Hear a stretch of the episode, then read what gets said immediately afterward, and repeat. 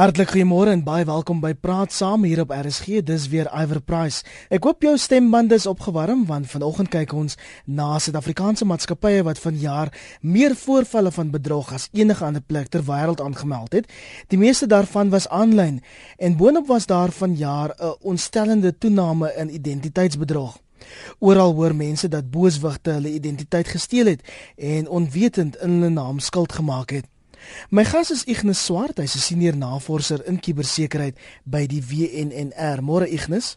Môre ja, gaan dit? Ehm um, altyd beter. Welkom. En jy daar by die huis is ook welkom om saam te praat 3343 dis ons SMS nommer. Elke boodskap kos jou R1.50 en jy bel ons by 0891104553. 0891104553. As jy 'n storie het om te vertel, is die staan gereed die lyne is reeds oop. En as jy Twitter verkies, ek sou ook daar gaan volg en tweet gerus jou mening. Ignas, kom ons begin by die begin. Presies, hoe groot is die probleem in Suid-Afrika? Wat sê die syfers? Man, die syfer sê enigiets van 1 miljard na 3 miljard, hang af wie jy vra. En en die rede is die mense wat die syfers bereken gebruik verskillende bronne. So dis baie moeilik om beslis te sê, maar soos jy kan sien, die nommers is baie groot, so dis definitief nie iets wat ons net kan ignoreer nie. Praat ons nie van 1 miljard rand of of mense? Uh nee, rand. Randwaarde. En en dan lyk dit vir my of identiteitsbedrog, ignis en aanlyn swindelery meer onstuitbaar word. Hoekom is dit? Man, dis dis 'n ding van die tye wat ek al sê. Ehm um, die geleentheid is daar en dis baie moeilik om die mense te vang en as gevolg van die hoeveelheid inligting wat beskikbaar is, raak dit baie makliker vir die kriminele om om dit te doen. Dis uh, byvoorbeeld baie maklik om aanlyn te gaan iemand se identiteit identiteitsdokumente kry of so iets en dan 'n afskrif daarvan te maak by 'n winkel in te loop en te sê jy weet uh, ek wil graag krediet ek wil graag 'n kredietkaart oopmaak of jy weet so ietsie en en dit klink belaglik maar dit vat net een winkel om te glo dat daai werklik die regte persoon is en dan sit die persoon wat wie se idee gesteel is dan met daai skuld En is dit omdat ons as lede van die publiek iets verkeerd doen of meer aanlyn of selfoontransaksies uitvoer? Man, ek dink nie aanlyn transaksies is noodwendig die enigste ding nie. Dis nie noodwendig iets wat jy self iets verkeerd doen nie. Dis die inligting wat ons almal weestel beskikbaar maak. Dit draak al meer en dis nie net die dit individuele soos ons wat skuldig is aan nie. Besighede wat die data bymekaar maak en dan die database in die beskerm nie is net so skuldig aan. So ek dink nie daar's een spesifieke jy weet 'n uh, plek of organisasie wat skuldig is aan nie. Almal van ons dra blame in. 0891104553 ons hoor graag van luisteraars wat al slagoffers was van identiteitsbedrog. Ehm um, vertel jou storie of stuur 'n SMS 3343 elke boodskap R50. Nou net dis interessant dat mense tussen 20 en 30 jaar oud blykbaar die meeste ly onder identiteitsbedrog en vals aansoeke om krediet en dis nou volgens die Suid-Afrikaanse bedrogsvoorkomingseenheid. Dis reg ja. Hoekom hoekom spesifiek daai ouderdomssegment? Man, jy kan sê dat dit die segmente is wat natuurlik die meeste aanlyn transaksies doen. Maar as jy ook gaan kyk, dis gewoonlik die segment wat die meeste inligting deel, jy weet, met enigiemand. So dit kan wees dat daai data makliker is om te kry as enigiets anderste. En uh natuurlik, dis mense wat nou net begin werk het, teen jy net gegradueer het. En natuurlik is hulle aantreklike teken vir iemand want hulle is nog nie so lank in die stelsel om 'n kredietrekord of so iets te hê nie. So dis baie makliker om weg te kom met 'n uh, eh, met 'n nuwe persoon as ek dit nou so kan stel, as iemand wat 'n jy weet wat 'n lang geskiedenis nou al het. Jy weet wat maklik is om op meer as een database te verifieer. En kan dit ook wees omdat daai jonger mense meer ekonomies aktief is? Dit kan wees, definitief ek meen, maar ek dink die die deel wat dit regtig meer en jy weet wat meer na hulle kant toe leun is, die die jonger geslag se geneigtheid om inligting maklik uit te gee. Jy weet soos uh, hulle hulle gee CV's uit. Hulle hulle moet kopieë maak vir werksaansoeke. Hulle hulle is beet, hulle is oral aktief. Daar's meer kontakpunte vir hulle as wat 'n tradisionele, jy weet 'n meer gevestigde persoon sal hê. En ek lees net gister van 'n Kaapse man wat na klomp verkeersboetes Ach, ja. ook lasbriewe vir sy arrestasie uitgevind het dat sy identiteit gesteel is. Hoe vind meeste mense uit dat hulle slagoffers daarvan was? Ag nee, dit is 'n tragiese storie, maar meeste mense vind maar uit van iemand wat hulle op 'n swartlys probeer sit of iemand wat hulle kontak vir skuld wat hulle nie wat hulle nie betaal het nie of een of ander diens wat gelewer is waarvoor hulle nog nie rekening betaal het nie. Dis dis regtig hartseer, maar dit is ongelukkig hoe dit gebeur. En is dit dan moeilik om jou naam weer skoon te kry? Dis rarig baie pynlik. Daar is jy, jy is meer as welkom om stories te gaan lees van die mense het hulle het al honderde duisende rande aan prokureurs gespandeer. Dit dit vat regtig 'n proses om dit reg te kry. Dis ongelukkig die onus is op jou om te bewys dit was nie jy nie. So selfs al gaan jy na die in die instansie toe, jy, dit is nog steeds 'n proses. Jy moet verstaan dat die die instansie kan nie net jou glo nie, hulle moet nou self gaan kyk. Jy weet, is dit werklik die geval want jy weet anders te kan enigiemand net na die instansie toe gaan en sê dit was nie ek gewees nie, dan moet hulle skuld afskryf. So dit dis 'n proses, dit is vat tyd. 0891104553 dis die nommer in ons Johannesburg ateljee. Ek sien die liggies is besig om te flikker. Ons gaan nou-nou 'n oproep of twee neem. Nou Ignis die persepsie bestaan dat dit meestal buitelanders is wat sulke misdade pleeg. Is dit regtig so? Man dis baie moeilik om te sê. Dit kan wees maar ons het nie te veel statistiek om te kan sê ja of nee nie. En dis dis ongelukkig nie. Ek het nie vir jou duidelike antwoord hier nie. Dis dis dis iets wat internasionaal gebeur. Dit kan oorsee jou identiteit kan gebruik word om basies te probeer immigreer na 'n ander land toe in gevalle al. So daar's nie regtig 'n geval nie en ek meen vat nou die voorbeeld van die man in die Kaap met die nommerplaat. Wie men nou regtig sê 'n buitelander gaan nou die moeilikheid, jy weet gaan nou is die enigste persoon wat daai nommerplate kan omruil. Men daar's daar's net soveel geleenthede vir mense binne in ons eie land en en nie sê self sien van ons instansies het al, jy weet van hulle hoofde is al gevang, jy weet dat hulle jy weet min of meer 'n uh, nommerplaat ombruil hier en daar. So dis dis nie noodwendig waar dat dit net buitelanders is nie. Suid-Afrikaners het dieselfde veelheid geleentheid. Kokkie en Jameson, goeiemôre. Goeiemôre. Hoor jy my? O, hart en duidelik welkom. Goeiemôre. Ja, ek wil net noem, ek het nou met die dametjie gepraat. Ek gaan nou nie die bank se naam noem nie, maar ek het nou so pas e-pos gekry. Nou gaan ek net so vinnig so 'n paar goedjies lees. Ek het hulle gekontak te sê hulle vir meneer, hierdie ding is nou so aktief op die oomblik. Ons probeer keer, maar ons kan nie. Mense moet net nie hierdie ding oopmaak nie. Nou staan dit hier die bank se naam, dis nou geadresseer aan my. Nou sê hulle hier confirm your filing note. Um uh, your account has been credited with 6591 rand and 48 cents by SARS electronic filing. Ai, the ai, internet ai. banking team. Standaard uh, die bank weet niks hiervan af nie. Mense moet asseblief hier op dit en nie hierdie ding oopmaak nie. Hulle gaan jou twee vrae vra en mense is geneig om bietjie inligting te gee, dan is jou geld weg. Kokkie en Jameson, baie dankie. Ek dink ek weet waar van watter bank jy praat. Ek het dieselfde soort um, e-pos gekry, Ignis. En en wie wat die ergste? Mense bly dink dat mense wat vol vir hierdie tipe e-posse is idioote. En en wie jy daar is daar is niks verder van die waarheid nie. Ek meen, ons kan veel voorbeelde wys waar daai e-pos so goed geskep is. Dit lyk 100% reg. Dis En en natuurlik die ergste is, vat net soos in die voorbeeld wat nou hier gebeur het. Heel toevallig was dit nou weer 'n uh, belastingseisoen gewees, nou. En dit is nou net verby. Maar baie mense wag nog vir 'n bonus hier, jy weet, uh, in die in hierdie tyd van die jaar. So natuurlik is die geleentheid daar vir swendelaars om hierdie tipe e-posse uit te stuur en hulle vang mense natuurlik met dit. Dit lyk 100% reg, die tydsberekening is reg. Jy weet, dis hoekom mense vol daarvoor. Dis dis regtig 'n mens moet baie versigtig wees. 0891104553 of 3343 jy's ook welkom om op Twitter te volg en jou mening sommer daar te tweet. Iemand skryf hier my man se identiteitsdokument is onlangs verlore in 'n winkel en vermoedelik gesteel. Wat doen ons as hulle die boekie vervals? Is daar nie 'n plek waar 'n mens verlore ID-boekies kan aanmeld nie, Ignis? Daar is, jy kan hom aanmeld. Natuurlik gaan eers na die instansies toe waar dit gebruik word. Enige plek waar jy 'n bank of enige so iets het, gaan asseblief sien toe, maak hulle bewus daarvan. Ehm um, gaan na die polisie toe en maak 'n saak. Sê vir dat jou boekie is gesteel, wys proaktief dat jy 'n saak geregistreer het daarvan. Ehm um, daar's ook natuurlik die ehm um, SAPDS, ek sê maar ek weet nie wat se in Afrikaans is. SAPD. Nee nee nee, dis die dis die polisie diens. Daar's uh, daar's die ehm um, South African Fraud Prevention Services. Hulle het ook uh, hulle het ook 'n fasiliteit waar jy kan gaan en kan hulle kan jy weet kan registreer by hulle om te laat weet dat jou dokument gesteel is. Hulle is hulle is baie hulle kyk spesifiek na hierdie tipe die sake.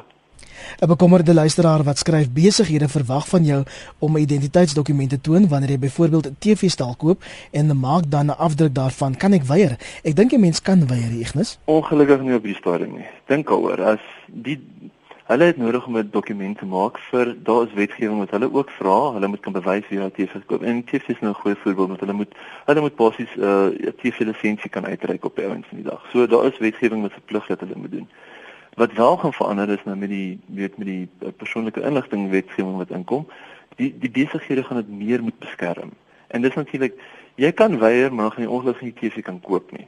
So waar dit wel gaan hooplik beter word is dat die besighede op hierdie stadium het hulle nie regtig stelsels in plek om hulle inligting baie te beskerm nie.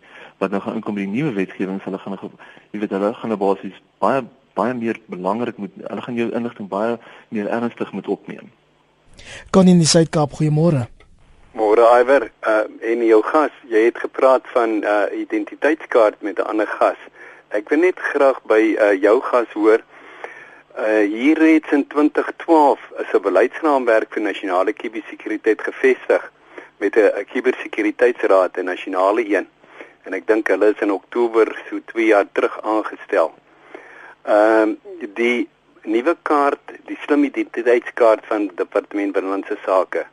Ek weet dit bevat 'n nuwe biometriese tegnologie en uh dit dit bevat heelwat meer inligting soos uh persoonlike identifikasie, jou vingerafdrukke, huwelikslisensie en rybewys. Uh hoe effektief is hierdie uh hierdie sekuriteitsraad want dit is aangestel in samewerking tussen die regering en die private sektor en ook die res van die Suid-Afrikaanse samelewing.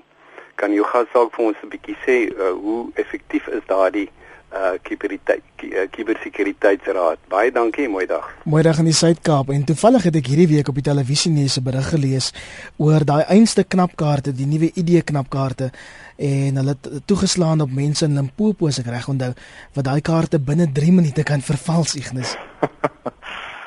ja, jy kyk, uh, tegnologie is maar net 'n hulpmiddel. En ongelukkig vir die, vir die spreker ek ek jy weet vir die in die luisteraar ek kan ongelukkig nie kommentaar lewer oor hoe effektief die raad is nie. Daar's nie iets, daar's nie 'n statistiek of iets wat ek op kan aanhaal nie. Ehm um, al wat ek kan sê is daar is mense wat kyk daarna en iets wat ons moet verstaan is prosesse vat maar langer om te verander jong. Dis nie iets wat net oornag verander nie. Ignas, jy het nou begin praat daaroor nuwe wetgewing wat op pad is. Wil jy daarop uitbrei? Man, ons het al voorheen gesels oor is die poppie wetgewing. Ehm um, op hierdie stadium is hy ingeteken, maar hy is nou nog nie hy is nog nie van krag nie. Ehm um, wat belangrik gaan wees is dit gaan basies besighede wat jou inligting bymekaar maak. Op hierdie stadium as jy na besigheid toe gaan, dan kan jy enigiets vra. Ek meen as jy 'n TV wil koop, dan moet hulle jou jy weet, hulle kan vir jou vra vir waar bly jy, hoeveel, jy weet, uh, wat jou salaris, enige van daai tipe goed vir hulle dienste. Wat Poppy gaan inbring is hulle gaan basies net mag bymekaar maak wat nodig is om die diens te lewer. Nou dit dit klink asof dit nie 'n groot verskil is nie, maar dit beteken dat minder van jou inligting hooplik gaan gebruik word om dienste vir jou te kan lewer. Dit beteken indien een van hierdie besighede wel 'n uh, insident het waar inligting uit uit uit die sekuriteitsmaatreëls uitkom, dan is daar minder van jou inligting buite beskikbaar vir kriminele om om te gebruik. Via rsg.co.za kry ek 'n briefie van Hetty wat sê ek het 2 jaar gelede vir 'n paspoort aansoek gedoen en toe word ek meegedeel dat ek 'n onwettige immigrant is. Al my voorgeslagte is in Suid-Afrika gebore. My ID-boekie was ook nog nooit weg nie. Dit was nag om weer wettig te word. Iemand het my ID-nommer gebruik, maar ek moes dit bewys. Klink dit vir jou bekend, Ignis? Ongelukkig, soos ons voorheen bespreek het, die die die probleem is met identiteitsdiefstal is dat jy moet ingaan en bewys dat iets het gebeur wat nie reg is nie. Nou selfs al sê die wetgewing dinge gaan verander met Poppy dat die dat die besigheid moet seker maak dat hulle die data beskerming swaan. Jy gaan nog steeds as daar 'n transaksie gebeur wat nie moes gebeur op jou op jou wettige nommer of enige op jou identiteit, dan moet jy basies nog steeds ingaan en bewys dat dit nie jy was nie.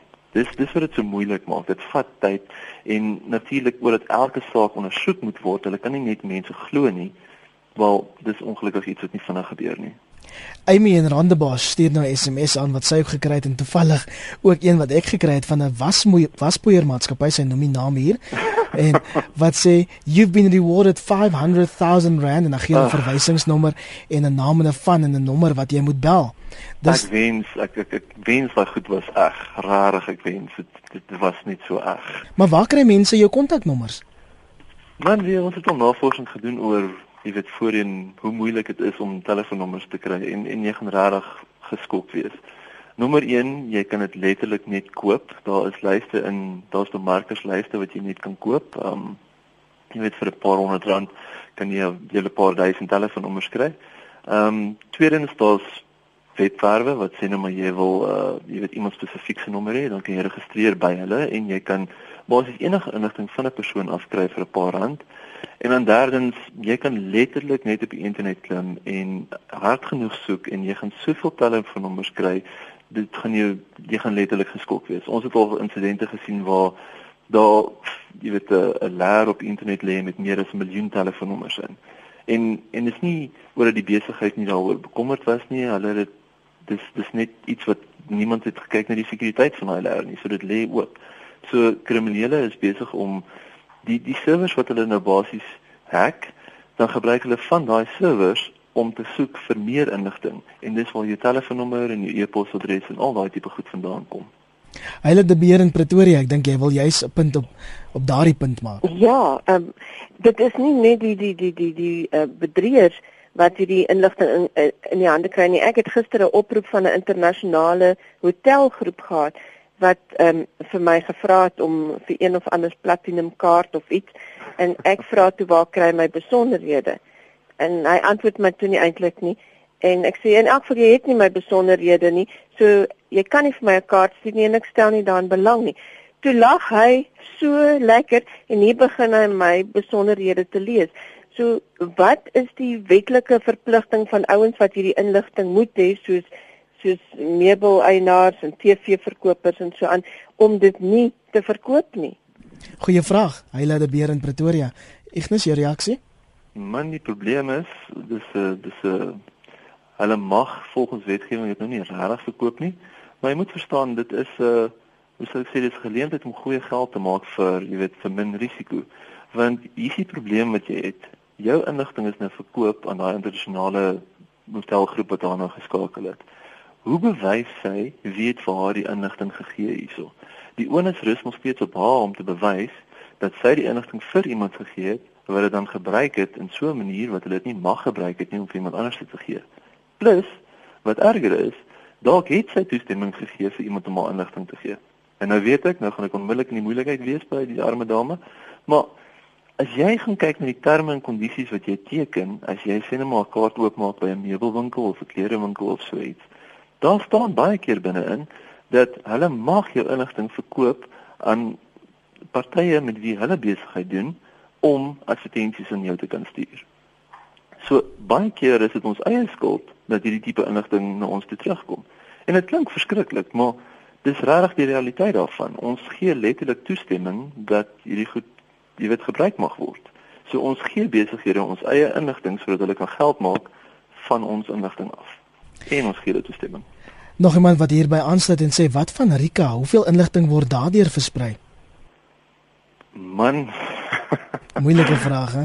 Dis 'n baie moeilike vraag want wie jy ja, okay, so Rika forceer basies dat jy moet jou inligting kan gee indien jy enigiets wil koop soos 'n selfoon of so iets en 'n bankkaart en dis nou meer fika maar nog steeds die feit van die saak is daai inligting word by 'n winkel ingesit baie keer ek weet nie of jy al gekyk het na hoe lyk die winkels oor die Kersgety as jy 'n nuwe selfoon of so iets wil koop nie dis vrek besig nou daar is 'n kans dat daai inligting kan uitkom nie soseer oor die besigheid nie stelsels in plek het nie maar oor die mense wat die inligting basies moet behandel. Hulle is so oorwerk en so besig dat hulle net nie tyd het om die stelsels en prosesse te volg nie.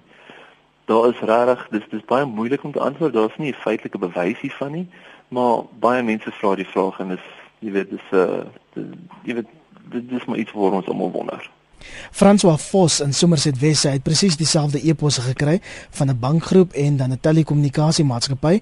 Hy het dit in hulle gerapporteer en hy sê ek wonder hoeveel mense word hierdeur gevang. Die briefhoofde van beide instansies lyk ongelooflik presies soos die egte wettige maatskappye sin.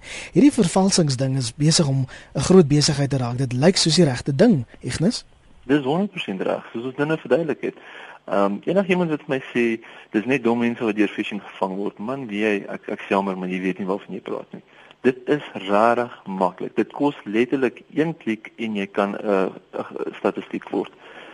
Die die probleem wat jy het, ons weet nie regtig hoe groot die probleem is nie. Want enige statistiek wat jy kry is maar 'n raaiskoot.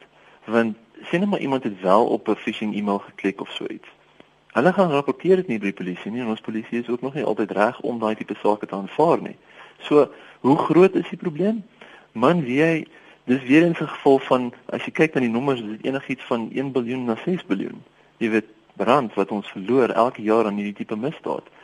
Die die nommers verskil weer eens want hang af wie jy vra. Sê nou maar jy vra vir een antivirusproduk hier in Suid-Afrika, dan gaan hulle vir jou een nommer gee en as jy kyk na 'n een, dan gaan hulle jou 'n ander nommer gee.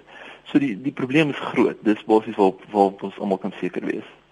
Alet Botha in Pretoria, goeiemôre. Môre Alet.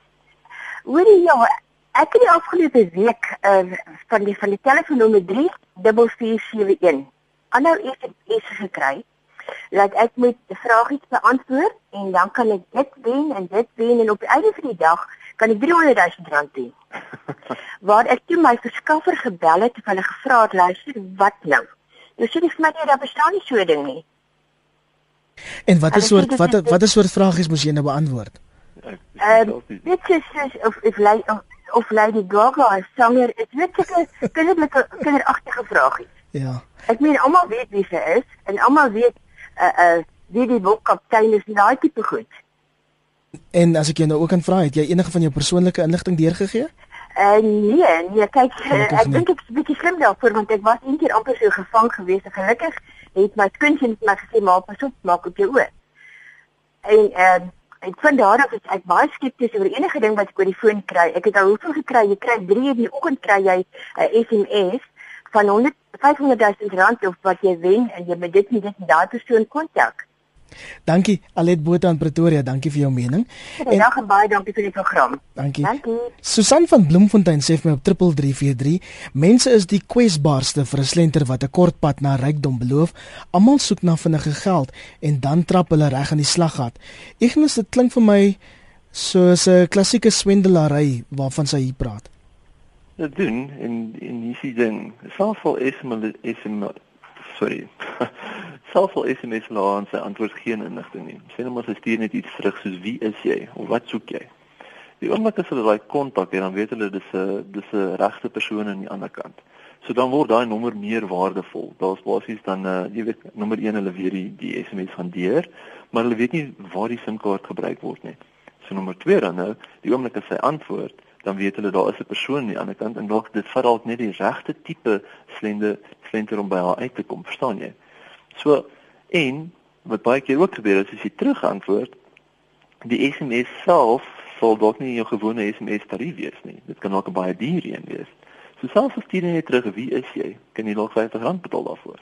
En, en dis basies hoe hulle inkom met hierdie tipe goed. So sien hulle maar hulle stuur vir 'n miljoen mense SMS teen 30 sent en jy weet net 'n paar antwoord terug. Dan dan begin hierdie mense basies dis basies hoe hulle geld terugkry hier uit. Derek in Johannesburg, goeiemôre. Goeiedag man. Ehm um, ek wil net so vanaand sê dit lyk vir my oor die algemeen as die banke en so aan ook baie verseker is teen die geld wat hulle verloor.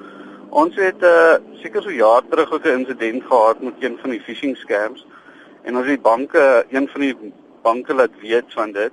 Ehm um, hulle het nie jy's baie omgegee nie op daai stadium het hulle nie eens 'n plek gehad waar mense ehm um, kon rapporteer nie. Ehm um, wat ons toe nou gedoen het van ons kant as leuke af het ehm um, ons vinnig gou gekyk. En dit is skrikwekkend hoe maklik kan jy uitvind waar daai ouens uh, hulle hulle die data myn en opsit op databases op watter webwerf waar ons die mense laat weet dit hoor hierso weet julle julle webwerf word gebruik vir mining. En binne 'n dag is daai database afgehaal omdat die ou wat die domein besit daarvan in kennis gestel is. Party van die ouens word gehack en dan word hulle uh, webwerf word gebruik vir daai mining. Maar as die banke en daai ouens nie iets van hulle kant af ook doen om um, die goeders op te volg nie, ek weet nie. Ehm um, dit kan seker elkeen van ons se plig ook wees op die einde van dag van die dag om dit te doen. Derek en Johannesburg, um, hulle kan ook 'n bietjie meer doen.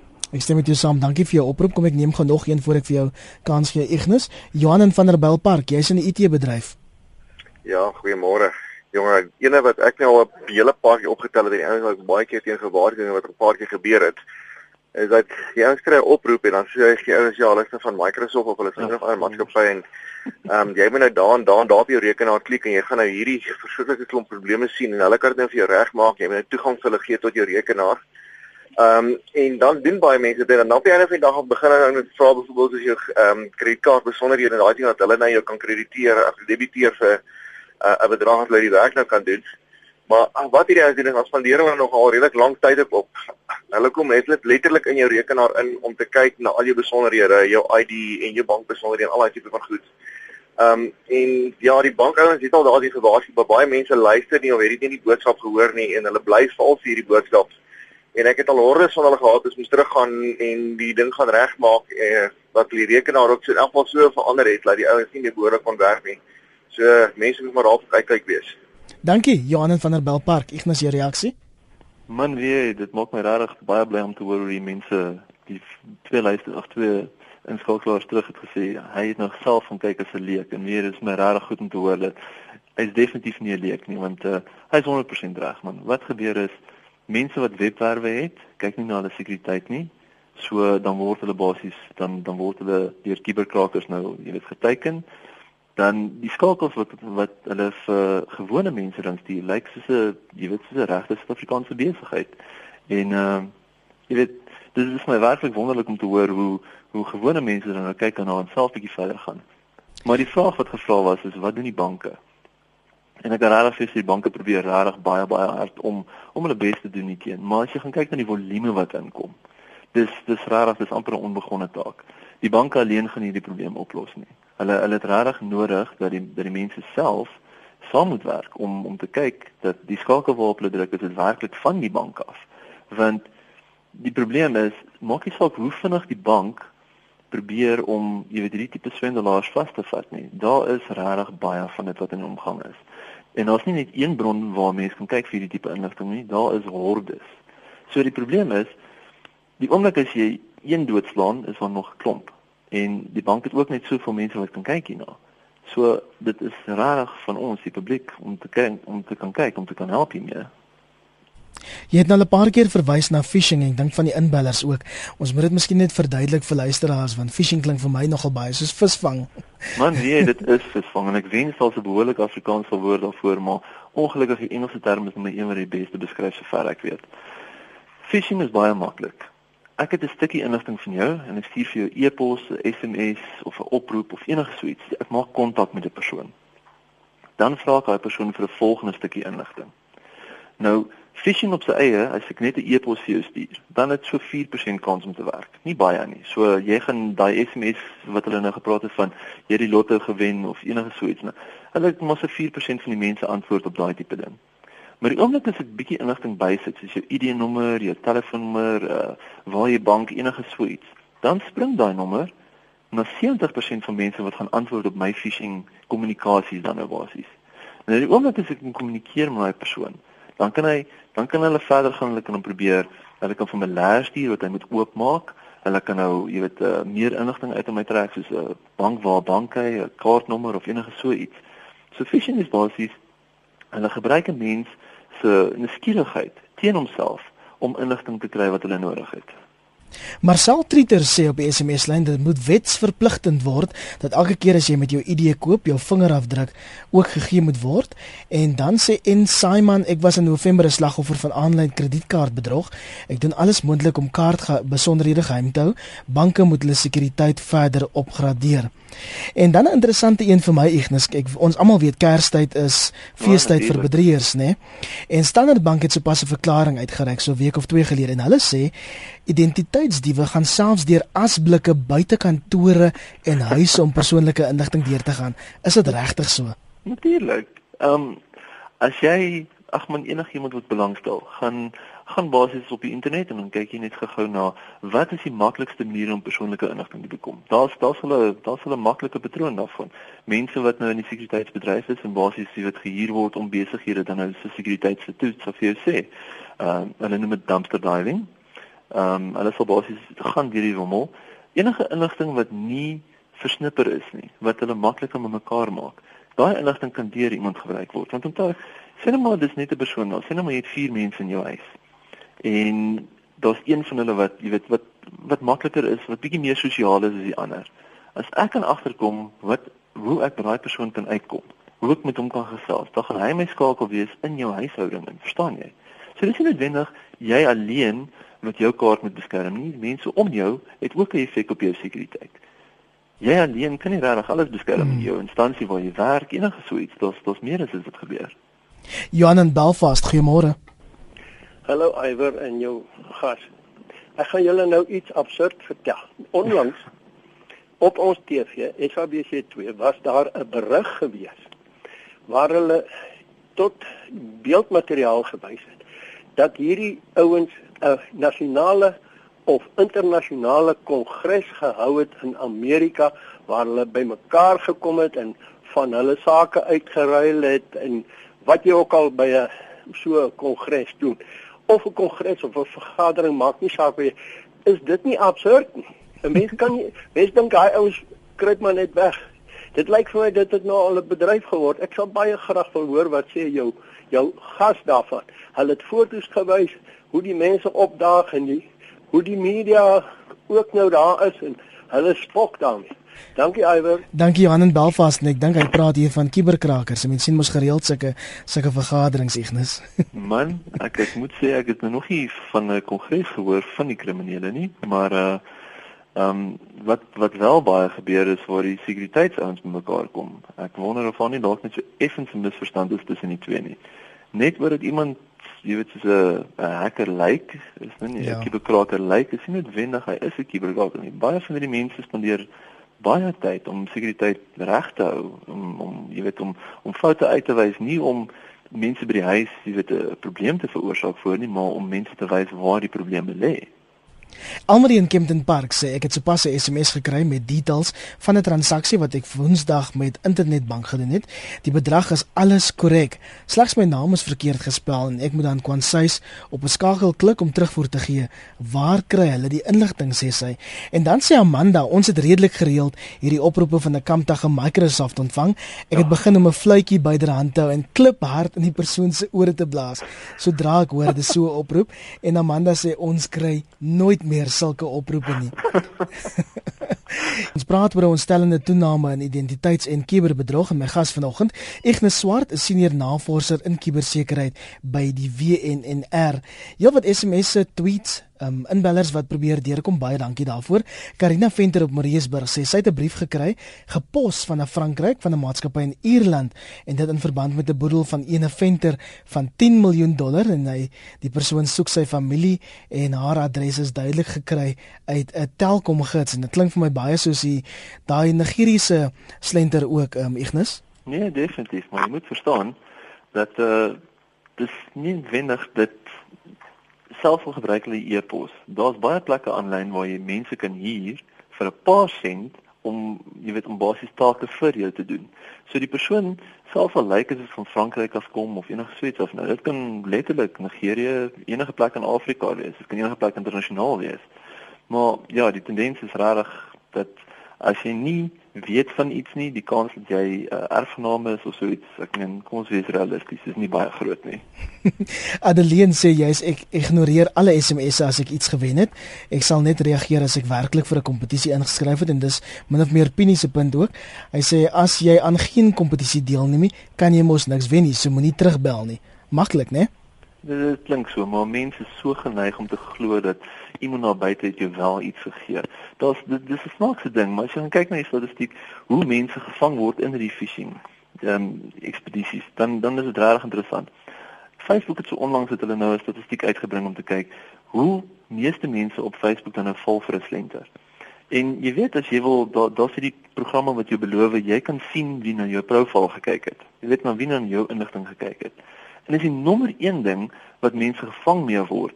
Hulle instal, jy weet hulle hulle gee toestemming vir die applikasie om hulle inligting te vat want hulle gaan ook kan sien wie, jy weet wie die na hulle profiel gekyk. So op 'n eind van die dag dan hierdie tipe hierdie tipe phishing expeditions val maar vir jy weet hulle gebruik maar wat mense graag wil hê. Jy wil geld wen, jy wil weet wie kyk na jou, jy weet wie kyk na jou profiel. So op 'n eind van die dag is ons eie skuld af op maar soms.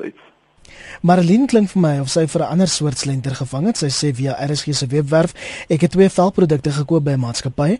Hulle het vir my gesê dit kos R96 stuk. Nou het hulle oor die R2000 getrek uit my kredietkaart. Hulle sê nou as ek nie binne 14 dae my rekening kanselleer by hulle nie, nadat ek die produk ontvang het, nie kos dit my die gewone prys. Ek glo Nee, dis nou al 'n maand nie. Ek het nog nie eers my produkte gekry nie. En dan vra sy, "Wat kan ek doen? Het jy enige raad, Ignis?"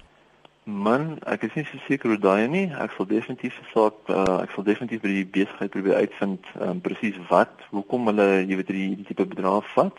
En dan sal ek definitief verder gaan en uh, jy weet iemand kontak. Uh, kyk na ombudsman of enige so iets om te kyk hoe dis so hoekom gaan nie aan? Wat gaan aan hierso? Ek meen uh, as dit nie 'n geregistreerde besigheid is nie, jy kan self saak by die polisie maak daarvoor. Watter van om jou strokie net daar weg te gooi nadat jy geld getrek het by 'n kitsbank? Nog 'n luisteraar se vraag. Man, aan een kant as jy sekuriteitswag is en jy voel jy weet gemaklik dra genoeg volume van mense is, maar aan die kant aan aan die ander kant jy moet besef dat as jy nou 'n welaf persoon lyk en uh, hulle sien daar jy weet in die strokie lê nou daar en hulle sien nou 'n bedrag daarin dan dan definitief jy kan uitgesonder word. Want ek meen hoeveel keer kyk jy na iemand wat na jy weet wat binne na die, na daai strokies kyk by die by die ATM jy weet niemand gee niemand gee regtig om af voor nie en en baie mense gaan hierdie strokies want hulle geniet dit om te sien wat ander mense het so dis definitief jy kan self besluit maar ek voel dit glad nie 'n goeie idee nie vat die strokie vat hom huis toe gooi hom daar weg snip hom op skeer hom op so iets en dan gooi hom dan weg Ek neem myne natuurlik saam huis toe want ek is te skaam vir my bankbalans. Etienne in Rodepoort, goeiemôre. Goeiemôre. Ons kan jou hoor, jy's deur Etienne, jy het 'n betaling gemaak en jy wil weet is dit veilig? Ja, uh, dit was vir my nogal regtig 'n sekuriteitsnetwerk waardeur ek moes werk. Die instansie is Monsterpay. Ek het net 'n kaart bestel vanaf die Kaap en hulle het my laat betaal deur Monsterpay en daar ek moes 'n hele paar uh, uitklarings doen voordat ek die betaling kon doen. Ek wil net weet of dit 'n uh, 'n uh, 'n poging is om sekuriteit daar te stel en of dit 'n veilige roete is en of daar nie meer is wat daardie netwerk kan gebruik om betalings te doen op internet nie. Dankie vir jou vraag. Luister gerus by die radio Etienne in Rodepoort. Ken jy daai diens Monsterpay, Ignis? Dit is 'n bekende een. Ehm um, die ding is soos enige betaling en in hierdie goed gaan al meer voorkom. So die name is nie regtig belangrik nie. Daar daar gaan daar's letterlik soveel van hierdie tipe besighede wat uitkom dat dit nie, jy weet jy gaan dit nie meer op naam kan identifiseer nie. Ehm um, die die belangrike ding is om te kyk na die instansie by wie jy koop. Is hulle 'n betroubare instansie? Ehm um, dit vat bietjie meer om te kyk na, maar as jy gaan kyk na as jy 'n uh, jy weet as jy 'n uh, webwerf wat wat moet dit nou 'n webbrowser gebruik op die op die internet. Kyk, sorg dat hy heeltyd geopdateer word want baie van die banke en van hierdie instansies sorg basies dat die sertifikate wat hierdie plekke gebruik om jou betaling te aanvaar. Hulle kyk of daai sertifikaat geldig is. En wat belangrik is daar is dan as jy sorg dat jou dat jou rekenaar opgedateer is die hele tyd. Indien daar 'n probleem gerapporteer word, dan sal hulle jou self waarsku teen hierdie tipe goed. So die naam is nie so seer belangrik nie. Dis meer van dat jy jou eie sagteware opdateer en dat jy basies dan net by jy weet by plekke koop wat jy kan vertrou. Dan en Robertson, goeiemôre. Môre. Ehm um, ja, ek wil net weet hoe veilig is TeamViewer as ek met 'n maatskappy kontak maak en nou sit ek 'n pas ek het 'n paswoord en goede en nou kan hy op my rekenaar speel asof wat ek self as ek sien hoe sy muis beweeg. Ehm um, kan hy enige ander ander inligting kry. Ehm um, ek kan luister by die radio. Dankie. Dankie dan. Ignis? Okay, TeamViewer is 'n bekende program wat gebruik word soos uh baie baie IT plekke gebruik het. Sien nou dat 'n kliënt wat hulle, jy weet, uh moet help met iets, in plaas van dat hulle ry na die plek toe, kan hulle net van hulle af kan hulle basies dan sit op hulle rekenaar, hulle kan 'n kode intik en dan kan hulle basies op die persoon se rekenaar werk waar hy nou ook al in die wêreld is, solank hy op internet gekonnekteer is. Nou, TeamViewer self is 'n bekende produk. Daar's al baie mense wat gekyk het daarna en die die produk self is nie 'n probleem nie. Jy moet vir jouself kan besluit as jy gemaklik daarmee dat iemand anders te jy weet op jou rekenaar kan kom. Wat jy wel kan doen is die die stelsel kan gestel word. Hy hardloop in die agtergrond dat hy altyd as hy opkom dan hardloop hy outomaties of jy kan dit self stel dat hy net aangaan wanneer jy vir hom sê hy moet aangaan. So daar's nie 'n probleem met die teamviewer self nie, en daar's ook nie 'n probleem dat besighede dit gebruik om hulle kliënte te help nie. Die probleem kom in is jy gemaklik dat almal wat basies toegang daai rekenaar is nie privaat nie. Enigiemand het basies wat hy wat hy kode het en 'n basies toegang tot daai rekenaar. So dis 'n baie moeilike vraag om te antwoord. Ehm um, as dit werksrekenaar is en jou IT departement gebruik het, goeie produk, jy weet dis daar's niks fout daarmee nie. Sia sê ek het oor 'n periode van ongeveer 'n jaar tot soveel as 15 sake gedokumenteer, party met polisie saaknommers van dieselfde bedrieërs wat net hulle e-pos en webadresse voortdurend verander en dan vervalste goedere verkoop met ID's en hulle bankbesonderhede. Maar die polisie het nie die vermoë om die sake eers te ondersoek nie. Hulle verstaan bloot nie die internet as 'n medium nie. Niks het van die sake gekom nie, selfs toe ek die bedrieër se huisadres en volle besonderhede aan die polisie oorhandig het. Dis nog 'n probleem want ons polisie verstaan nie noodwendig hierdie nuwe soort misdade nie. Man, ek is regtig jammer om te hoor van daai en ek kan jou verseker as jy by die regte polisieman uitgekom het, dan was hy saak definitief verder gevat. Um dit is waar 'n groot deel is van die jy weet van die polisie diens wat ook nog jy weet wat probeer ook maar nog met die internet uh jy weet som jy weet die sake te kan ondersoek, maar daar's ook 'n groot deel van die polisie wat regtig verder gevorder het en hulle doen baie aktief. Hulle hulle is baie aktief in hierdie area en ons hoor dit sake wat self al opgelos is wat jy weet wat net nooit publiek word nie want dis dis saak wat opgelos is en niemand is jy weet en en en daar's nie meer 'n probleem meer nie. So aan die een kant ek verstaan die frustrasie, maar aan die ander kant jy kan ook nie sê dat die hele polisie diens daarom so is nie. Daar's baie mense wat baie goeie werk doen. Gert van Rensburg in Pretoria, goeiemôre. Goeiemôre. Ek wil vinnig vertel wat met my gebeur het. Op 'n dag kry ek 'n boodskap dat daar is ingegaan geld getrek uit my rekening. En terselfdertyd laat weet my selfoonmaatskappy dat hulle vermoed daar is 'n SIM-kaart swap gedoen. Toe jaag ek 100 km na die bank na na die SIM-kaart mense na die eh, na die selfoon mense toe Toe sê hulle ja, ek sien daar was laas nag 'n SIM-kaart swap. toe sê hulle maar hulle kan weer uh, dit regstel. Ek sê nou maar stel dit reg, maar toe weet ek nog nie van die geld wat onttrekkers het met bankrekening nie.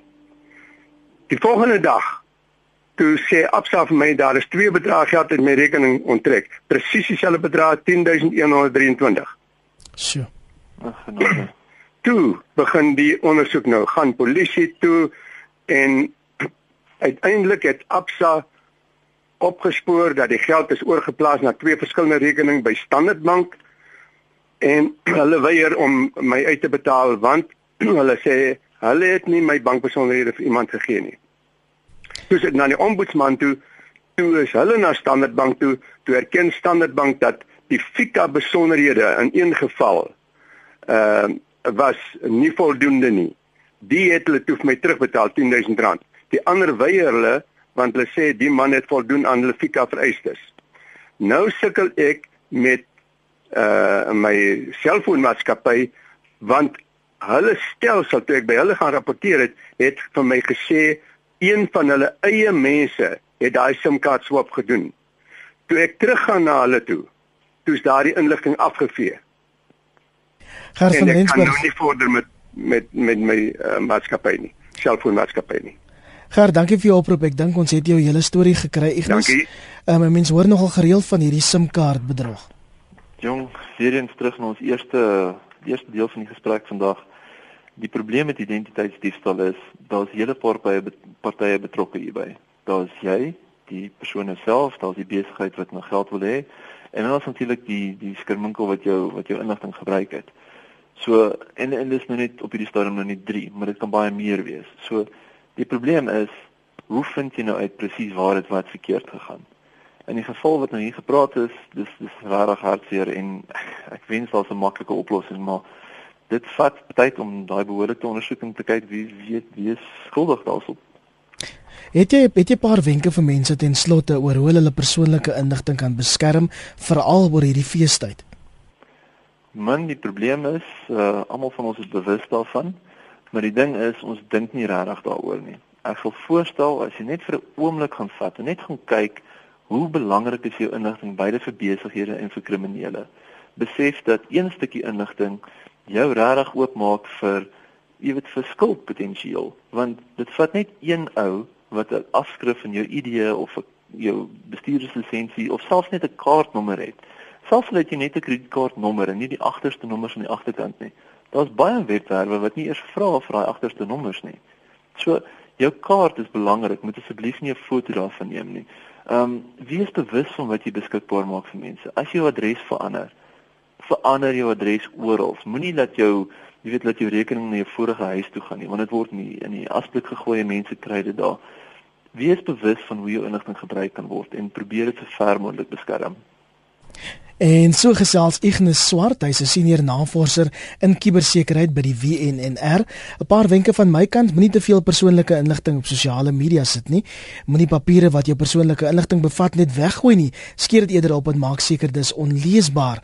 Maak seker al jou rekeninge aanlyn het baie sterk en onvoorspelbare wagwoorde en dan moet nooit op e-pos of SMS reageer waar jy gevra word om jou persoonlike inligting met 'n internetskakel op te dateer nie.